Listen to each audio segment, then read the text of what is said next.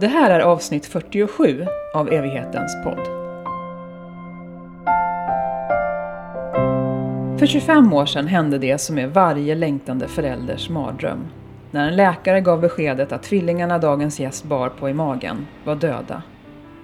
Hennes sätt att hantera denna enorma förlust har varit att många år senare och som 60-åring sätta sig vid datorn i ett älskat Hebre i Hälsingland och skriva sig hel. Bebisen blev en bok med nya minnen och den heter Bomullssystrar. Med den vill hon bidra med hopp om att det går att läka, vilja leva igen och hitta en ny mening. Dagens gäst bor i Uppsala, är optiker och driver Rediviva Optik. Jag som heter Johanna Felenius säger välkommen hit till Anki Palm. Hej! Nu är vi på Evighetens kontor i Uppsala. Vad är din relation till den här staden? Ja, jag är född här. Norrländska föräldrar. Kom hit på 60-talet. Uppvuxen här, gått i skolan här, startat firma här. Ja. Men vad känner du för Uppsala då? Hemma, trygghet, veta vad som är. Ibland kan jag längta härifrån. Men Uppsala är ju tryggt. Jag vet vad jag har. Så du tror att du kommer bli kvar eller? Ja, det tror jag nog. Eller kanske inte. Det beror på. Jag har min mamma kvar här. Så så länge hon är här så är jag kvar här. En viktig plats i den här staden har för dig blivit tvillingarnas grav på gamla kyrkogården. Vad hände med dig där? Det som, det som händer med mig nu, det vill säga att rösten inte håller riktigt. Det har gått 25 år och ändå när jag får en sån, sån nära fråga som jag känner att du ställer så kommer minnet av det som var. Och jag blir väldigt berörd. Och det stör mig egentligen ingenting. För det är ju väldigt stark närvaro i det. Och graven för mig är påminnelsen om att det faktiskt har skett. Och att det är verkligt. Och att det får vara så. Men graven har- är jätteviktig. Ja. Du säger någonting om att, och det gör ingenting egentligen. Så här, har du alltid kunnat förhålla dig så till sorgen att du har vågat visa den, eller vad ska jag säga? Jag har inte kunnat göra något annat. Nej. Jag, har, jag fungerar så. Sen kan jag ju känna ibland att i vissa lägen så vill jag inte visa det. Men för dig är det ju inga problem, för då kan jag ju visa det. Och jag känner mig trygg i att visa det. Men i ett annat läge, där kan det kännas, ja, där jag inte, om man säger, blir mottagen. Då skulle jag vilja helst stänga av reaktionen. Och det, det har jag svårt för att göra. Och det är både styrka och svaghet. Har det här någonting att göra med att du beskriver i boken att du är högkänslig? Ja, det är jag helt övertygad om. Jag har ju jättenära till mina känslor. Och det är jag väldigt glad för. Men det är också väldigt, väldigt jobbigt att vara så. Så, så, det är både det- ett, ett ok och en gåva? Ja, det är det. Men mest en gåva. Speciellt så här i 60-årsåldern så tänker jag att ja, men så här är det. Och det är så många som blir innestängda i sig själva. Och som trycker undan en massa. Och jag tror inte det funkar. Eller jag vet att det inte funkar i sorgen. Det blir bara värre då. Det blir ännu tyngre. Om inte gråten får komma fram. Om inte förlusten får kännas. Så gör det bara ondare. Det är som nu när jag, tänk, jag tänkte ändå att jag ska inte släppa fram, jag ska inte släppa fram. Det hörs det ju på rösten. Och så fort jag slappnar av så låter det mycket bättre. Så är det ju. När det får Mm. komma ut? Mm. Varför tänkte du så? Det ska inte, jag ska inte. Nej, det vanliga är ju ändå att allt kanske jag inte vill visa på riktigt på en gång. Men eh, det gör jag nu. När du blev gravid med det som visade sig vara tvillingar, vad var du i livet då? Ja, vad var jag i livet då? Jag var mitt uppe i att jag verkligen ville ha en stor familj. Vi hade Hanna som då var åtta år och vi blev väldigt glada när vi förstod att det var tvillingar. För graviditet har inte riktigt varit mitt eh, toppen till, tillstånd så att säga. Så att eh, när det var två så tänkte vi nog att, ja ah, men vad skönt. Nu är det två på en gång. Mm. Och du var gift med Thomas. Mm. Ni gick senare skilda vägar och du har nu hittat kärleken i Niklas. Ja, stämmer. Ja, det där med storfamilj. Mm. Vad, vad är det som gör att du tror att det var så viktigt för dig med den bilden? Av hur det skulle vara? Ja, och det kanske inte bara var viktigt för mig, utan jag, alltså, Hanna som då var åtta år. Hon hade flera vänner som hade större familjer och jag, jag såg på henne hur häftigt hon tyckte det var. Jag vet inte, det är väl, det är väl drivet. Alltså, det här drivet som vi inte riktigt kan förklara. Alltså, många av oss, och kanske framförallt kvinnor, vill ha barn. Det är ju inte alla. Vi hade köpt en stor femrummare när vi fick reda på att eh, jag var gravid och väntade tvillingar. Den låg på bottenvåningen, nära till lekplatsen. De skulle kunna springa ut och in från balkongen. Så ni var så redo? Ja, ja, ja. Jag gör, jag gör gärna så. Jag ser till att jag blir redo för saker och ting. Mm. Planerar och så. Boken Bomullssystrar kom ut för ett par månader sedan och handlar dels om förlusten av Thea och Tove, som flickorna som dog i 27 graviditetsveckan skulle ha hetat, och dels också om det liv ni skulle ha kunnat få ihop. Vad har den här titeln, Bomullssystrar, för bakgrundshistoria? Det är intressant att du ställer den frågan. För mig är den ju självklart, men jag märker att den, den är inte det. Inte ens för min lektör, som har läst det många gånger. Hon frågade, men varför bomullssystrar? Eh, jag skriver i boken att, eh, jag kan faktiskt titta på första sidan där.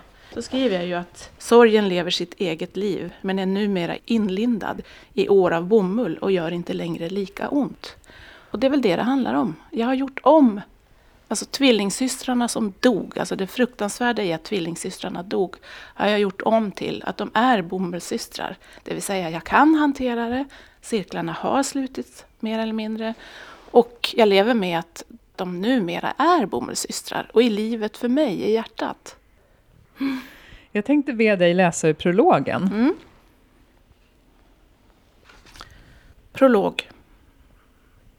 Minnet av tvillingarnas död är knivskarpt. Ögonblicket när läkaren med rödmålade läppar och glasögon bekräftar det jag redan anat har ristats in som en tatuering i mitt hjärta. Ja, de är döda, säger hon. Jag fäster pennan i blocket där jag sitter vid stranden och skriver Minns och lyssnar. Du kan inte börja boken så, mamma hör jag tvillingarna viska i vinden. Vattnet slår mot stranden och jag följer med blicken längs ena strandkanten för att sedan vända den mot åsen med de vindpinade tallarna och stenarna som legat där sedan urminnes tider. Jag viskar i mitt hjärta till våra tvillingflickor som inte finns med oss i denna värld. Det är sant flickor. Jag ska börja om. Men först behöver jag berätta för den som läser vilka vi är och vilken berättelse vi vill dela med oss av. Jag tittar ut över havet, bort mot horisonten. Gränsen mellan himmel och hav svävar likt en hägring som förvillar. Jag har satt mig på behörigt avstånd från tärnorna som störtdyker ner i vattnet efter föda. Värmen från den soliga dagen sprider sig upp i kroppen från fötterna som sjunker allt djupare ner i sanden. Vinden har mojnat. Även jag stillnar och kommer till ro efter min vandring längs stigarna som fört mig till Snäckenstranden i Långvind som ligger vid havet i Hälsingland. Jag är en av dem som vet hur det känns att förlora barn. Den erfarenheten önskar jag ingen annan. Men har numera försonats med den och är trots allt tacksam över att bära den.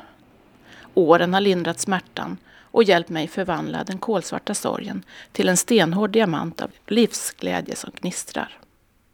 Innan Thea och Tove dog var jag både mogen och omogen, sökande och vilse, men samtidigt trygg i det familjebildande jag och min dåvarande make Thomas inlett när vår första dotter Hanna föddes. När dödsbudet kom vändes allt upp och ner och ingenting blev sig mera likt. Denna bok handlar om min vandring från kaos till tillit, från mörker till ljus och hur en ny mening i livet formar sig. Men framför allt handlar den om de möten som uppstår genom orden med mina djupt älskade döttrar som föddes utan att någonsin dra sitt första andetag för 24 år sedan. Jag skriver dem till livet för att få följa dem i den levnad som inte blev av. I ett läkande ljus får våra döttrar leva mellan raderna i ett enda stort tänk om. Med författarens privilegium låter jag mina huvudpersoner, Thea och Tove, komma till liv i orden i en inre dialog mellan dem och mig. Jag är fullständigt medveten om att de inte existerar i verkligheten, men ord kan trösta och ge glädje. Jag har hittat en metod som givit mig verktyg att låta sorgen mildras ännu mer än vad tiden som passerat gjort. Förtvivlan har fått övergå till förundran över det liv vi har till låns. Allt som sägs och allt som sker har jag tagit fram ur mitt inre och från mina drömmar. Jag har använt delar av mitt liv som grund och omformat dem i kreativitetens tecken. Allt är inte verkligt, men en hel del är det. Många av personerna som namnges finns i verkligheten. Några är fiktiva. Alla har fått frågan om de vill vara med i boken. Fantasin ger orden vingar och skapar en värld som skulle kunna ha varit. När i förhållande till det här otroligt fruktansvärda, vidriga beskedet som jag inte ens kan föreställa mig hur det var att få. Skulle du säga att du förstod att det var så här det var? Att de inte skulle få leva? Förstod? Alltså jag tror att sorg handlar om att förstå.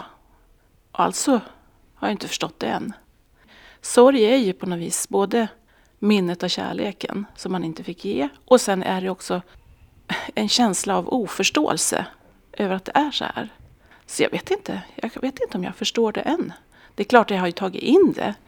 Men eh, den hårda smällen kom ju, kom ju när läkaren säger ja, de är döda. Men om jag förstod då eller inte, jag kan inte svara på den frågan faktiskt. Nej. Men hur viktigt är det då? Inte alls. Inte ett dugg skulle jag säga. Och jag tror att sorg handlar om att, att det inte går att förstå. Alltså förlust går inte att förstå. Döden går egentligen inte att förstå. Vi som lever kan inte förstå döden.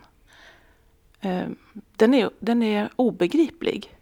För vi vill ju att det ska fortsätta. Och, och det fortsätter ju för oss som lever. Så att... Eh, nej, alltså... Förstå döden, det, det är för mig en mening som, som inte går. Mm. Jag vet att du skriver någonstans att du kämpar med att acceptera mm. detta. Precis acceptera är ju någonting helt annat. Och acceptera, det, det, tro, det skulle jag vilja säga att det har jag gjort i med boken. Mm. Det tog 25 år, eller ja, 24-25 år att acceptera att så här är det. Mm. En sjukhuspräst blev viktig för dig i det här läget. Mm. Hur då? Han fanns med. Och det var min mamma som när jag låg på BB så ringde jag hem till henne. Och hon tappade ju förstås rösten och eh, men hon sa snabbt, men ring till sjukhusprästen. Eh, och då på något vis så fick jag numret och sen så ringde jag honom och hans, jag vet inte om jag minns rätt, men hans första ord var, vill du att jag kommer? Han stack ut en hand direkt. Och då var jag så i chock, jag visste inte vem han var. Så att eh, jag svarade nej, det vill jag inte. Men kanske sen, när det är över. När de har fötts. Och han kom ju ganska, jag har inga klara minnesbilder, men han kom ganska så, ja kanske på dagen efteråt så kom han ju. Och eh, då ville ju jag att de skulle döpas. Men man döper ju inte döda barn. Nej. Man säger, jag har förstått i efterhand, de, de var ju redan i Guds rike. Så de behövde inte döpas in i Guds rike, de var ju redan där. Det var lite svårt för mig, för jag ville ju ha det där. Men han välsignade dem.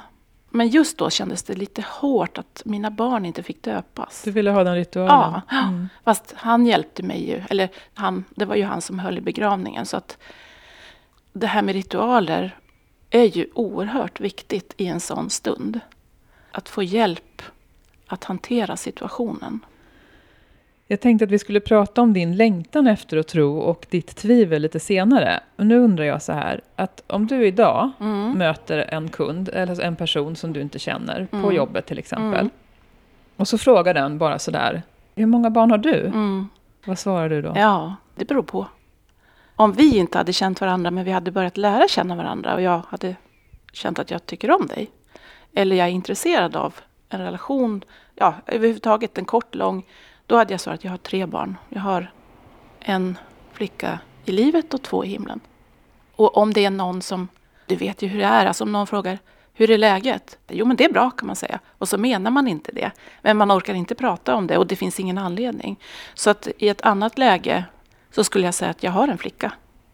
Och hon är 34. Och sen skulle jag inte säga något mer. Men du gör alltså, varje gång du får den frågan så gör du en sorts skanning ja, eller ja, bedömning? Ja, jag gör en intuitiv bedömning. Jag har gjort missen några gånger och säga att jag har tre barn. eller miss, det är ingen miss, men det är ju det är också väldigt, för en del människor, oerhört lite provocerande och frustrerande. Att eh, jag har tre barn, ett i livet och två i himlen. Då blir det, nej men hur ska den personen hantera det? Och om jag inte är intresserad av att hjälpa den personen, alltså, då ångrar jag ju att jag har sagt det. Men det är väldigt sällan. Är det mest för din skull eller för mottagarens skull som du avstår från att säga hur det faktiskt är ibland? Mest för min egen skull. Mm. Jag värnar mig själv. Mm. Jag vet ju att jag gärna berättar om Thea och Tove. Jag menar, jag har ju skrivit en hel bok. Jag tycker jättemycket om att de får finnas. Och jag tror att det är jätteviktigt för alla som förlorar barn att barnet eller barnen får vara någon. Oavsett om de inte finns med oss här. Är det någonting som har ändrats här i, i ditt förhållningssätt till de här olika svaren? Eller har, har det varit så hela tiden att du har gjort en snabb bedömning? Nej, I början så sa jag ju alltid att jag hade tre barn. Då var jag ju så sårig. Då kunde jag inget annat än säga att jag hade tre barn. Mm. Ja. Men sen när jag blev mindre sårig, då skydde jag ju mig själv, min egen sinnesfrid helt enkelt, genom att göra en bedömning. Och om det gav situationen någonting, för mig och den jag mötte, då berättade jag det. Kan du också känna, om du tänker tillbaka på att du har fått vara med om fina möten tack vare Ja, att du ja. har vågat? Ja, ja, oh ja, oh ja. Verkligen. Det måste ju ni märka som jobbar med det ni gör här på begravningsbyrån. Det måste vara, alltså en del, en del behöver hjälp. Det är som att sträcka ut en hand. Vågar jag så kanske du vågar. Också säga om någonting som har hänt dig. Gåvan i det här med att det har hänt mig och att vara så ja, inkännande får jag väl säga att jag är. Det är ju att jag är inte rädd. Om du gråter, om du berättar att du har varit med om någonting hårt, då sitter jag kvar och lyssnar. Jag eh, negligerar inte det. Jag tycker till och med att det är lite spännande att vara närvarande i det. Du beskriver skrivandet som citat, en livlina som har hjälpt mig att öppna upp för livet igen, slutcitat. Och att orden blir din livslust. Och du menar att du har skrivit dig hel. Mm. Hur då? Ja, men alltså, jag kan ibland titta på boken och tänka, va? Har jag skrivit den där boken? Det är en bok som har kommit till mig. Och framförallt så har ju Thea och Toves röster kommit till mig. Och att de har gjort det, ska jag vara lite klok, då tänker jag, ja, ja, men det är ju för att jag har så vild fantasi att de har kommit till mig. Men jag har så svårt att tro det. Och jag väljer att inte tro att det bara handlar om det, utan de rösterna har kommit till mig. Och faktum är att jag använder de rösterna lite nu och då faktiskt. Jag ställer frågor och undrar och vi för lite diskussioner då och då. Är det så att ni har ett ständigt pågående samtal? Ja, Ja. det har vi. För det var Thea och Tove Ja. som uppmuntrade dig till att skriva. Hur kommer det sig tror du? Ja, säg det. De ville väl bli hörda. De tyckte väl att det var dags att jag skulle kanske inte sluta sörja, men också fatta att de har funnits. Och att de finns. Och det spelar ingen roll om det bara är min fantasi. För jag, det jag hoppas, det är att boken kan få, få bli det för en annan läsare. Inte bara för mig. För för mig har den gjort, den har gjort mig hel, bara det att jag skrev den. Och nu hoppas jag ju att, att jag visar på vägar. Det går att lyssna till dem som inte finns längre. Ja, för du menar att det här är en metod som ja, fler än du kan använda den. Ja, ja, ja. Från början tänkte jag, och det var också så, att jag skriver mig fri och jag skriver mig hel. Men ju mer jag skrev och ju mer hjälp jag fick av lektör, Eh, Sofia Imén, som är superduktig, hon ställde så bra frågor och eh, hjälpte mig se att det här är inte bara för mig, utan det här är för andra också. Och att min historia öppnar upp vägar. Jag fick faktiskt ett brev häromdagen av en äldre kvinna som hade läst boken och hon skrev Jag pratar också med koltrastar. Min man är också en koltrast och jag pratar med honom både ute i trädgården och på, på kyrkogården. Och jag är, så, jag är så glad för din bok, för nu pratar jag ännu mer. Hur var det att få en sån reaktion? Det, det är det finaste betyget. Vi är ju alla mer eller mindre bekräftelsesökande varelser. Eh, Men den här boken, alltså jag har redan bekräftat mig själv i och med boken. Jag kan inte bli mer nöjd med den. Sen om jag får, nu har jag faktiskt inte fått så mycket negativt, men skulle jag få det så skulle jag nog faktiskt rycka på axlarna. brukar jag inte göra i vanliga fall, men i det här fallet ska jag säga ja, ja men det kanske är så för dig. Men de, de som då talar om vad den betyder för dem, jag blir så himla glad, för då går den ju vidare. Och det jag inte vill höra, det är ju Åh, vad synd det är om dig. För det är inte längre synd om mig. Det var det då, men det är inte det nu. Nu är det ju mer en, en styrka och en stor gåva som jag har fått. Jag har ju omvandlat förlusten till en gåva. Och det tror jag man kan göra. Kan vi backa lite? Mm. För jag skulle vilja gå tillbaka till den där situationen när du får kontakt med tvillingarna. Mm. Eller när de får kontakt med dig kanske. Ja, ja. Det kom ju långt innan jag började skriva boken. Jag kan ändå börja den ändan att jag började skriva på en bok som heter Begränsningarnas möjligheter. Som skulle handla om just vad man kan göra av sina begränsningar. Och intervjuer med olika människor och, och sådär. Men den blev så spretig och hela tiden så pockade Thea och Tove på. Och sen så var det så att jag, jag och maken går på yoga. Och en en söndag förmiddag så var vi på yogan och så har man något så här som kallas för yoga nidra, det vill säga en avslappning efter. Och den brukar vara ledd och man går igenom kroppen. Och ibland så lägger hon till som en visualisering.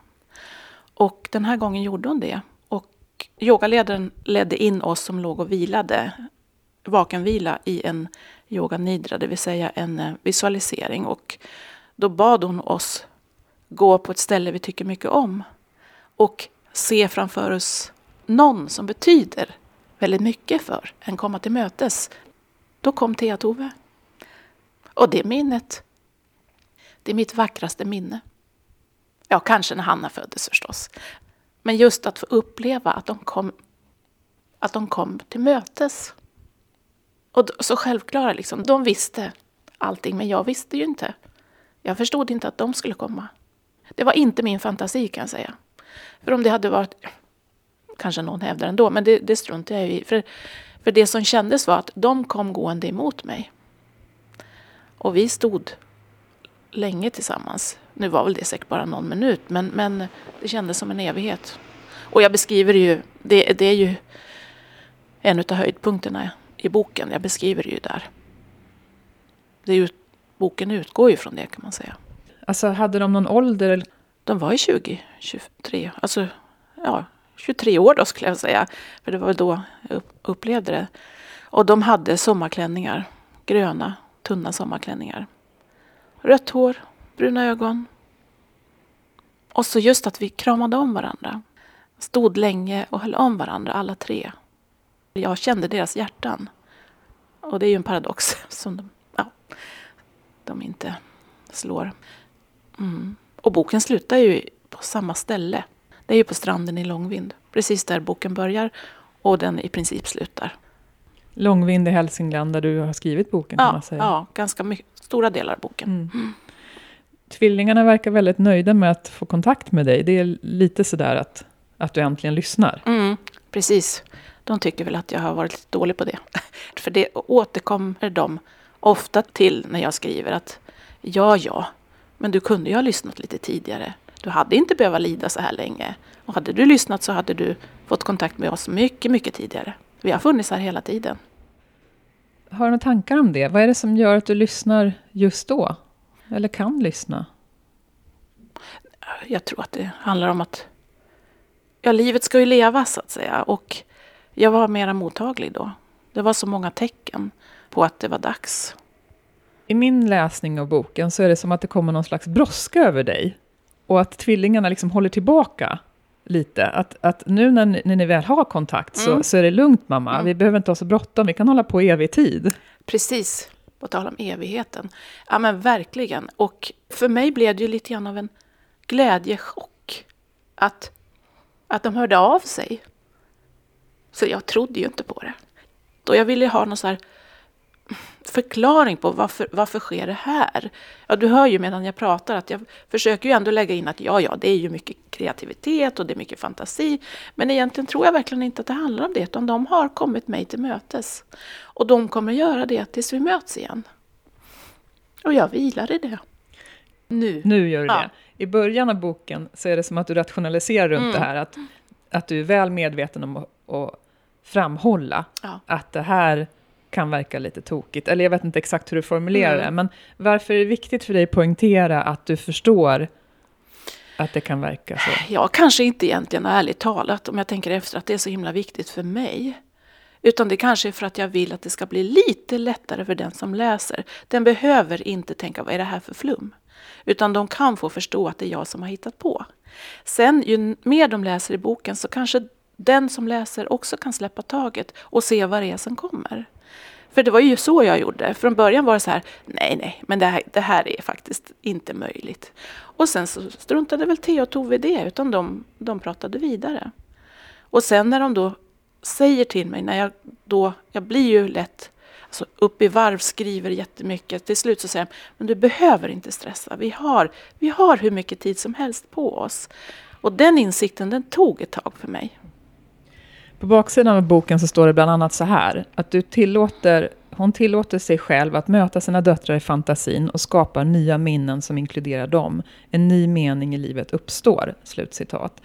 Och du beskriver det ju som att det här, det är som att det här har hänt på riktigt med de nya minnena.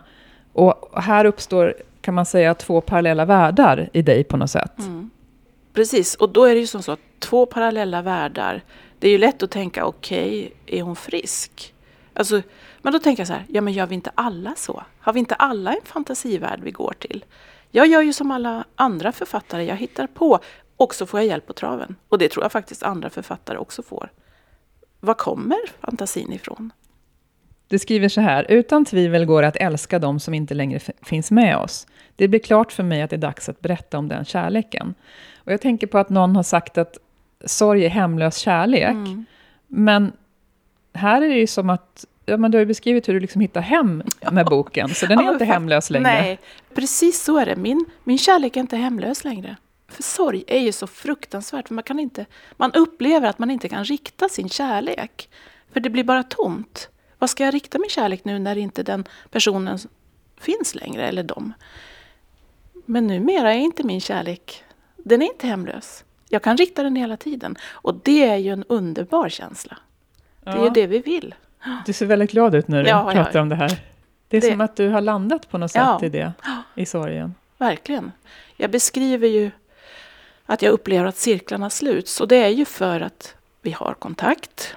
Inte så ofta nu, för jag, jag behöver också vila, känner jag, från, från det intensiva som har varit. Men då är de jobbiga? Nej, nej, de är inte jobbiga. Men jag behöver vila från, från mina känslor. För du kan tänka dig, jag har skrivit i, i två år. Och jag har älskat att skriva, men självklart, du ser ju bara när jag pratar om det så får jag tårar i ögonen. Det, det tar ju inte stopp. Och ibland så behöver jag bara, bara vara, alltså bara vanlig vardag. Så att vi har inte jättemycket, eller jag, jag söker inte kontakt. Och vill de ha kontakt så visar de det. Det säger de ju också i boken. Att du behöver inte oroa dig. Vi ser till att påminna. Du beskriver i boken hur du möter en kvinnogestalt, mm. Sofia. Det betyder en visa, va? Mm. Vem är hon? Ja, precis. Eller vad betyder hon? Ja, men precis. Hon betyder jättemycket för mig. För mig är Gud abstrakt. Jag riktar mig mot en Gud. Ehm, och ibland tycker jag att jag har någon sorts känsla av gemenskap och närvaro, så att säga. Men, men både Thea och Tove och att den här kvinnan i drömmen har kommit till mig gör det enklare för mig att förstå det här stora med gudsbegreppet. De är som en koppling till det. Jag mötte henne i kyrkan. Hon kom ju, alltså hon kom ju till mig långt tidigare än Thea och Toves röster kom. Den drömmen, den hade jag ganska tidigt i sorgeprocessen, eller processen, jag gillar inte det ordet, i sorgeresan. Kvinnan i drömmen kommer ju till mig med budskap om att det finns en annan sida. Och att det kommer att finnas möjligheter till kontakt. Och eh, jag kunde inte ta in det då. Men kan du förlåta dig själv för att du inte var mer mottaglig för det då, eller vad man ska kalla det för? Ja, absolut. Jag tror nog inte ens jag tänker förlåtelse där. Utan jag tänker nog... Hon hade ju en uppgift då också. Att få mig att se att det går att gå vidare. Det Men hon har... sådde ändå någon slags hopp? Eller? Ja, ja, mm. absolut. Mm. Och hon var otroligt stark, stark gestalt. Nu är det som att vi kommer in på det här med att eh, tro. Mm. Du skriver någonstans att, att du vill tro. Mm. Hur då? Jag ville tro. Jag har alltid tänkt att ja, men det, de har det ju så bra de där som tror. De kan ju alltid luta sig mot någonting. De kan ju alltid be om hjälp. De kan ju alltid luta mot att det finns en kraft, ja, något som är större, som, som hjälper en på vägen. Och jag kände inte det. Men sen hände ju det värsta. Och då kunde inte jag luta mig mot något. Inte mig själv, inte min make, inte omvärlden, även om den var väldigt viktig. Kunde inte luta mot någon. Så jag fick på något vis bara ge upp. Och så, så fick jag fråga, men finns du nu då? Kan jag lita på att du finns eller? Och så blev jag ju skitförbannad rent ut sagt att jag kunde väl ha fått hört lite mer. Jag kunde väl fått haft lite mer kontakt i den här tunga stunden. Och då var det precis som att, ja ja, finns du så får du väl visa dig då. Alltså det var verkligen ingen ödmjukhet i det hela, utan det var mer att, ja men nu har du ett jobb att göra här och jag, jag klarar inte det här själv och nu får du, jag på att säga, fan visa dig. Och jag upplever att, att jag fick en tro. Sen tycker jag fortfarande att det är svårt med han och Gud och fadersgestalten och allt det där. För mig är gudstron en känsla av att höra till en helhet. Och att jag behöver inte rodda allting. Och då kunde jag ju inte göra det heller. Och det är kanske är en väldigt enkel förklaring, men för mig är livet Gud. Och eh, vi hör ihop allihopa. Vi är sammanlänkande och allt det här sammanlänkandet, det är Gud. Kanske konstig liknelse, men det är ingen Putin som bestämmer att så här ska vi göra, nu ska vi gå in i det här kriget. Utan det är, någon, det är något som håller oss ihop. Nu är det en cirkelrörelse med ja, handen precis. över vi, huvudet. ja, men precis. Vi, vi hör ju ihop. Och när vi inser att vi hör ihop, desto mindre slår vi på varandra. Skulle jag tro. Så det är som att det var först när du släppte taget, alltså du gav upp Mm. på något sätt, om att kunna tro, som du kunde börja tro. Ja. Och jag har inte stressat på det där. Utan det har fått komma av sig själv. Att hamna i livet och verkligen inse att jag kan inte mera. Jag kan inte ta hand om det här. Jag ligger ner. Då är det ju bara, hoppet står ju till att det finns någon som hjälper en. Och det fanns det. Både i människoväg och i eh, inre frid och ja, Guds tro. Då. Är det en annan Anki som jag möter idag än den jag skulle ha gjort i samband med förlusten? Ja, ja, absolut. Och vad är det främst som har hänt, skulle du säga då? Det är en annan och samma som vi alltid är, så att säga. Jag vet inte hur jag ska förklara det, men jag tror att det handlar om att livet är ju rätt svårt.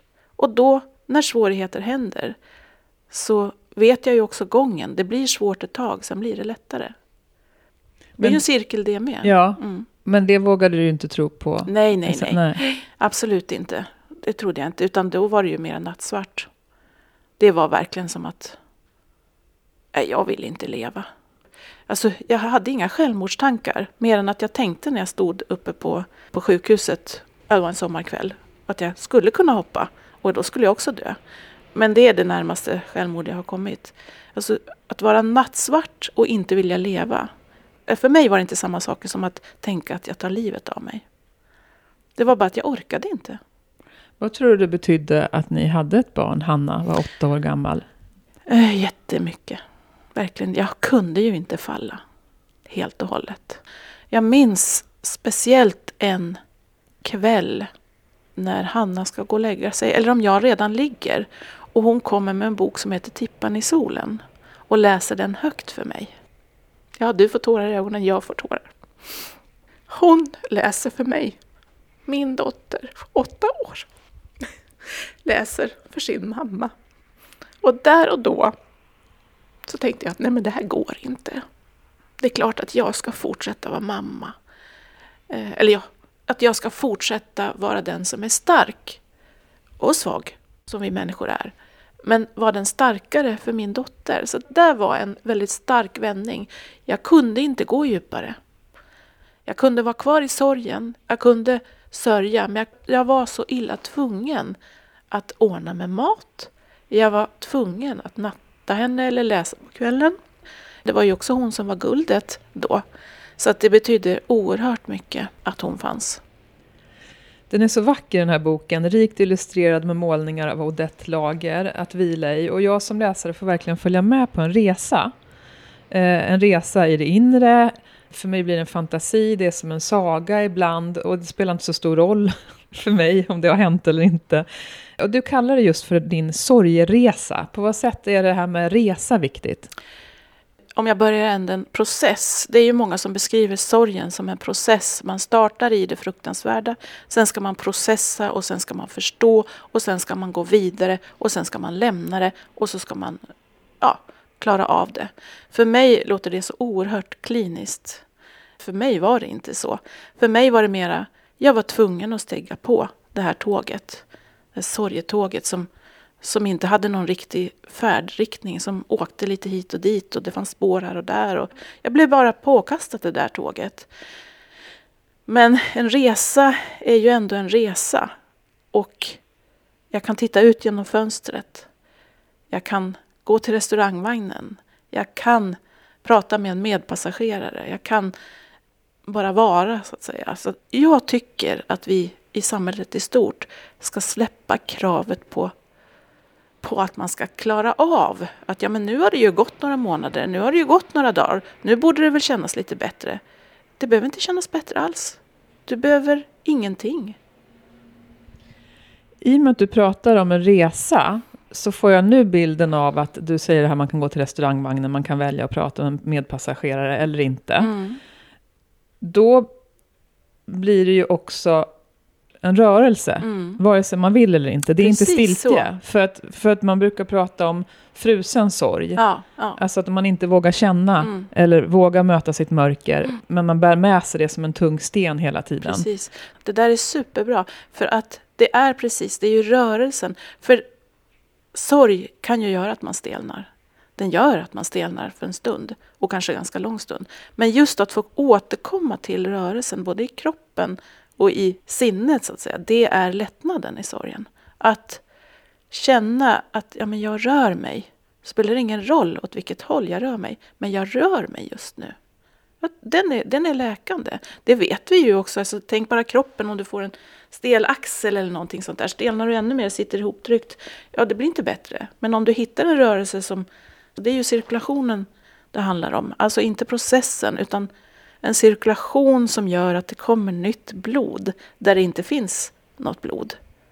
Du menar att själva livet är som en resa och som den optiker du är så gör du en liknelse med att sätta på sig nya glasögon. Ja. Hur då? Ganska länge kan man gå omkring och se suddigt. Sen händer det ju saker som gör att man ser bra. Och sen om det är en lins framför ögat eller faktiskt en händelse. Eller att du som nu nyss sa det här med rörelse. Jag tror inte att jag tänkt på det men rörelsen är ju jätte, jätteviktig. Eh, och rörelsen är väl glaset helt enkelt. Alltså glaset jag sätter framför ögat. Jaha, ja men det är så där det ser ut på, på, på andra sidan så att säga. Vissa skeenden, vissa meningar gör ju att det blir tydligare. I, I det här har du funnit dina ledord som är glädje, frihet och mening. Kan du säga någonting om hur lång tid efter att du förlorat tvillingarna kunde du känna glädje?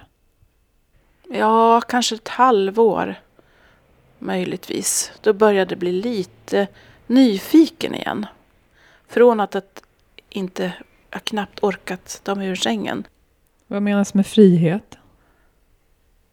Frihet att göra det jag vill. Inte känna mig tvungen. Det är min frihet. Mm. Mm. Tvungen av någon annan? Mm. Eller? Tvungen av någon annan eller mig själv. Det här med mening, vad är mm. det för dig idag? Det här är mening för mig. Det här djupa, jag gillar det djupa, det är ju uppenbart. Jag gillar att gå in på djupet. Och jag tror att om jag återkopplar då till sjukhusprästen faktiskt, så det han hjälpte mig med då, det var att det är tillåtet att, och det är bra att vara i det djupa. Det är inte farligt att vara i det djupa. Det är ingenting som, som gör att det blir ännu värre, utan att våga åka ner till det riktigt djupa i ens själ. Det som finns där är oftast ro, om man vågar. Jag frågar ju alla gäster i den här podden, vad är meningen med livet? Det här som du och jag har nu. Närvaron tror jag är meningen med livet. Den har vi ju svårt att fånga. Och jag kan säga en dag som är bra, antingen hemma eller i synundersökningsrummet eller vad jag är, det är när jag får kontakt. Antingen med dig som medmänniska eller med mig själv. Um, för vi rusar ju så mycket. Runt, runt, runt, runt. Vi ska hinna så mycket. Uh, men uh, det är inte meningen med livet. Men hade du svarat samma sak tror du om jag hade frågat dig i samband med förlusten? Alltså, eller hur mycket är det här någonting som förändrats? Jag har varit och är som person, jag tror jag håller på att förändras, men varit väldigt mycket projektinriktad. Alltså jag, jag ser till att en bok blir skriven. Jag ser till att starta ett företag. Jag driver det. Jag kan nå mål. Jag är jätteglad för det. Men ju äldre jag blir, desto mer känns det som att ja, ja, bara du och jag kan sitta här och prata nu. Det är det viktiga. Det är också det som är styrkan i sorgen, skulle jag vilja säga. Att när det här allra värsta händer, projekten, de faller ju. Alltså de blir inte intressanta. De känns ganska meningslösa. Men att du vågar sitta med mig en stund, eller som på sjukhuset när eh, prästen satt med mig, eller andra möten jag har haft. Det är ju det jag tar med mig då. Våga vara kvar är det allra viktigaste. Jag har grupper i det så kallade Orkidéprogrammet i att bearbeta förluster. Och där använder vi oss av läkeboken skriven av Sara Dahlberg Eriksson, som själv har överlevt förlusten av två barn. Och jag tycker det är så fascinerande när jag läser den här boken, Bomulls systrar. för att din resa följer mycket hur vi jobbar med det här. Eh, till exempel utgångspunkten att inte jämföra förluster, att det finns vägar till läkande och att det kräver ett arbete. Det sker inte av sig självt. Och att vi först behöver acceptera det att det som har hänt har hänt. Vi kan inte spola tillbaka tiden, vi kan inte få människor att återuppstå. Eller ja, det kan vi diskutera i, i, i ert fall, men i alla fall. Men vi behöver våga titta på mm. våra förluster. Mm. Mm. För att ofta så tar det mer energi av oss att ständigt fly dem. Vi behöver våga be om hjälp.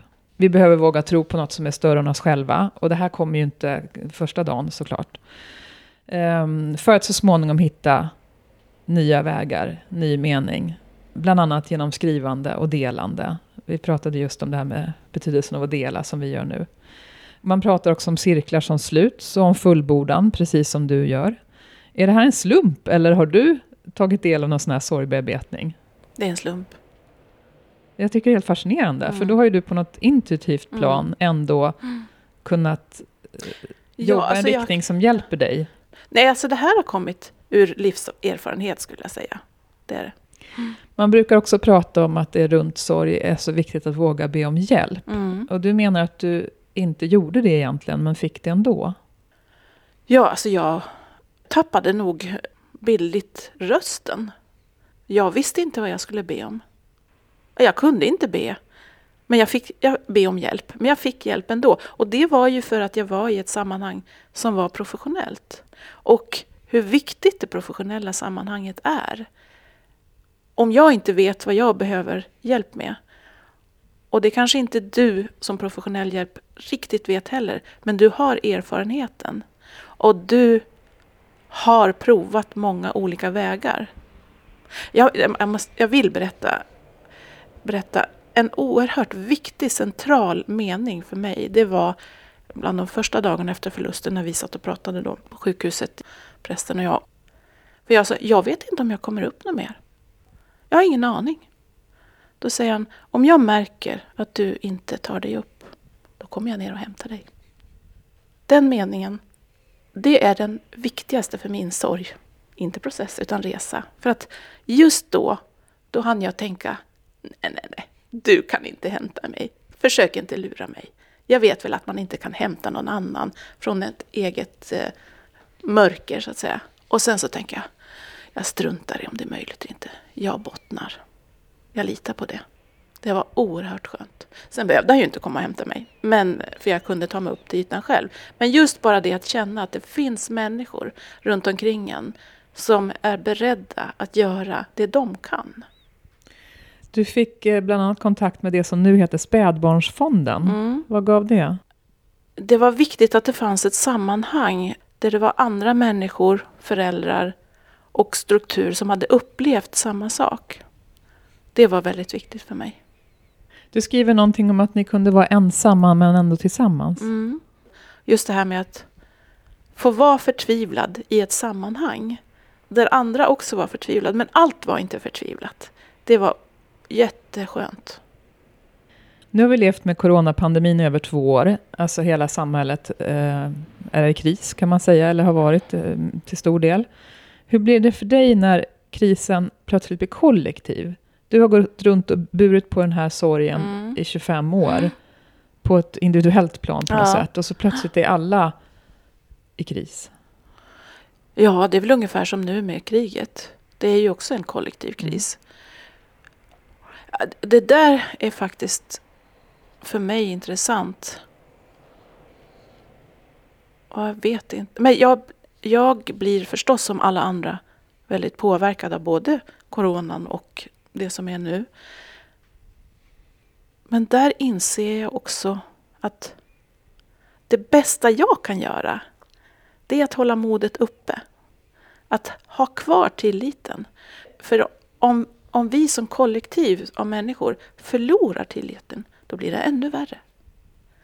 Alltså det känns som min skyldighet att inte tappa hoppet. För om jag tappar hoppet, om du tappar hoppet och så tänker vi den där, den där hemska människan eller det här hemska systemet och, eller coronan som har gjort att vi har behövt vara ifrån varandra, eh, hålla avstånd. Nej, jag har inte tappat hoppet. Och det tänker jag inte göra heller. Alltså, om jag nu kan bestämma. Alltså, med Tea och Tove kunde jag ju inte bestämma. Och ibland kan man inte bestämma. Men i det här läget så kan du bestämma vilken... De flesta av oss kan bestämma. Jag ska inte säga att alla kan det. För vi påverkas olika. Men, men du har ett val. Och mitt val är att fortsätta känna tillit. Och jobba på det. Även när jag möter dig. Att, jag, att, att inte gå in i det här som tänker på sociala medier. Det är så fruktansvärt allting nu. Och, och ja, så, ja, det är fruktansvärt. Men solen skiner idag. Vi kan prata med varandra.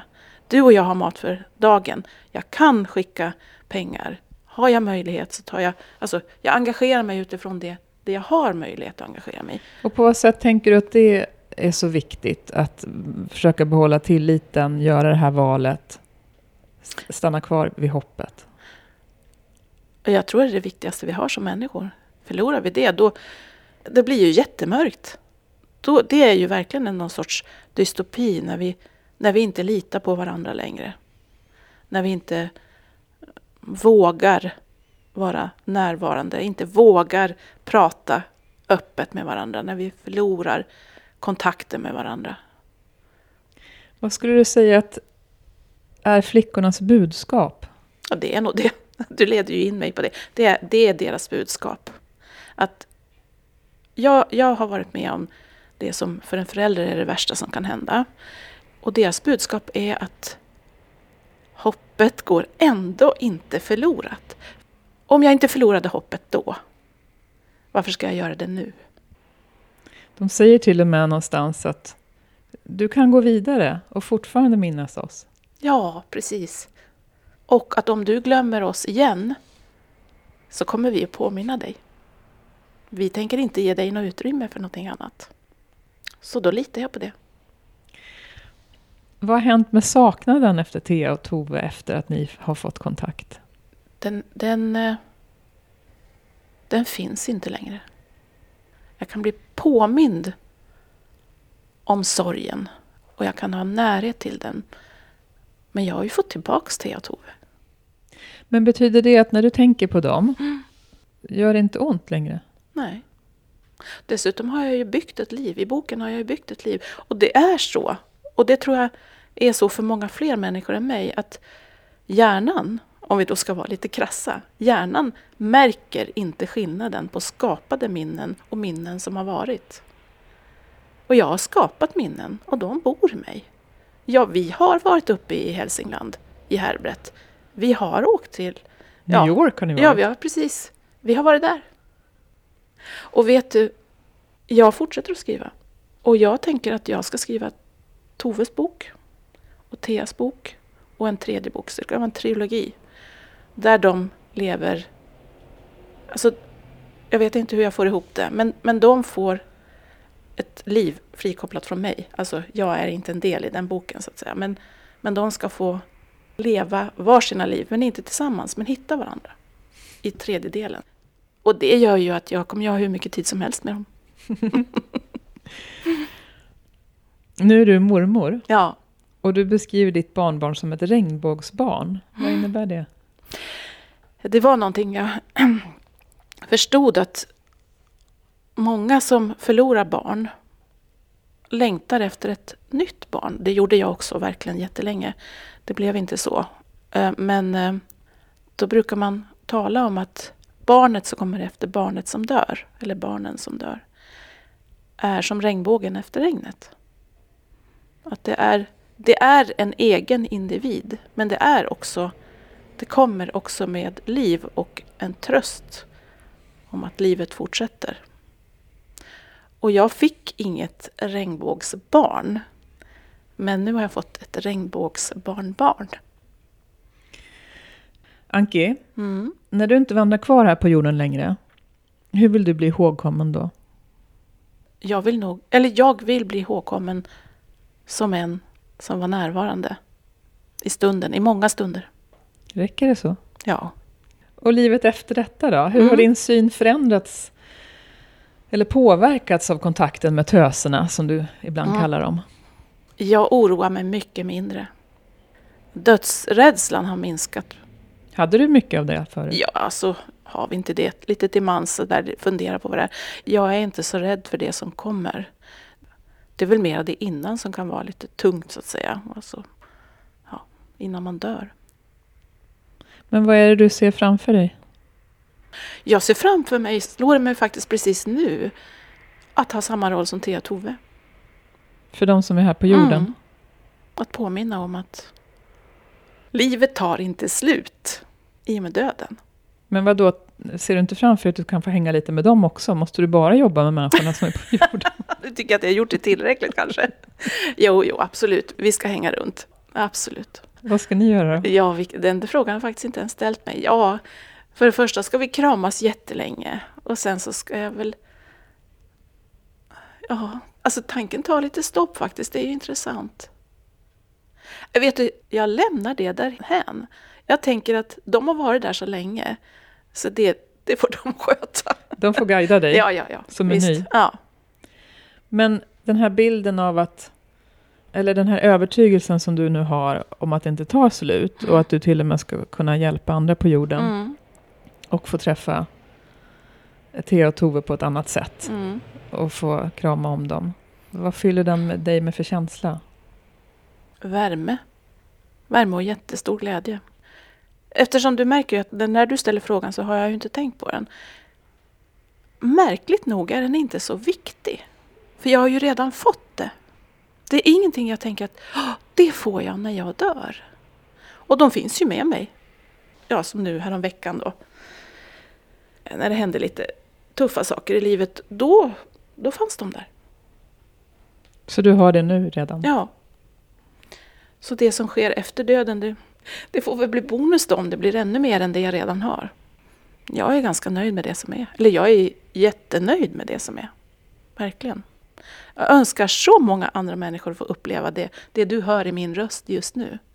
För det, det är en gåva utan dess like.